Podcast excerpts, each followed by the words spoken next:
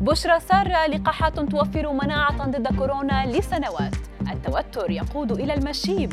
الكاكاو يساعد في تحسين حدة البصر والذاكرة. أبرز أخبار الساعات الأربع والعشرين الماضية في دقيقتين على العربية بودكاست. كشفت دراسة حديثة. أن لقاحي فايزر وشركتها بيونتك إضافة إلى موديرنا. قد يوفران حماية من فيروس كورونا لسنوات أو حتى مدى الحياة. ووجدت دراسة أمريكية من جامعة واشنطن أن معظم الأشخاص الذين تم تطعيمهم من لقاحات الحمض النووي mRNA قد لا يحتاجون إلى جرعات إضافية معززة وفق ما نقل عن صحيفة نيويورك تايمز. وذلك طالما أن الفيروس والسلالات الجديدة منه لا تتطور كثيراً. أعلن فريق من العلماء في الولايات المتحدة عن توصلهم إلى أول دليل كمي على أن التوتر والإنهاك النفسي يؤدي إلى المشيب.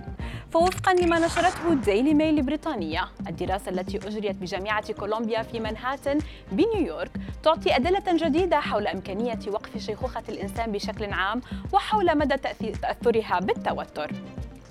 نتائج الدراسة تضيف إلى أن مجموعة متزايدة من الأدلة التي تثبت أن شيخوخة الإنسان ليست عملية بيولوجية ثابتة ولكن يمكن على الأقل بشكل جزئي إيقافها أو حتى عكسها مؤقتاً.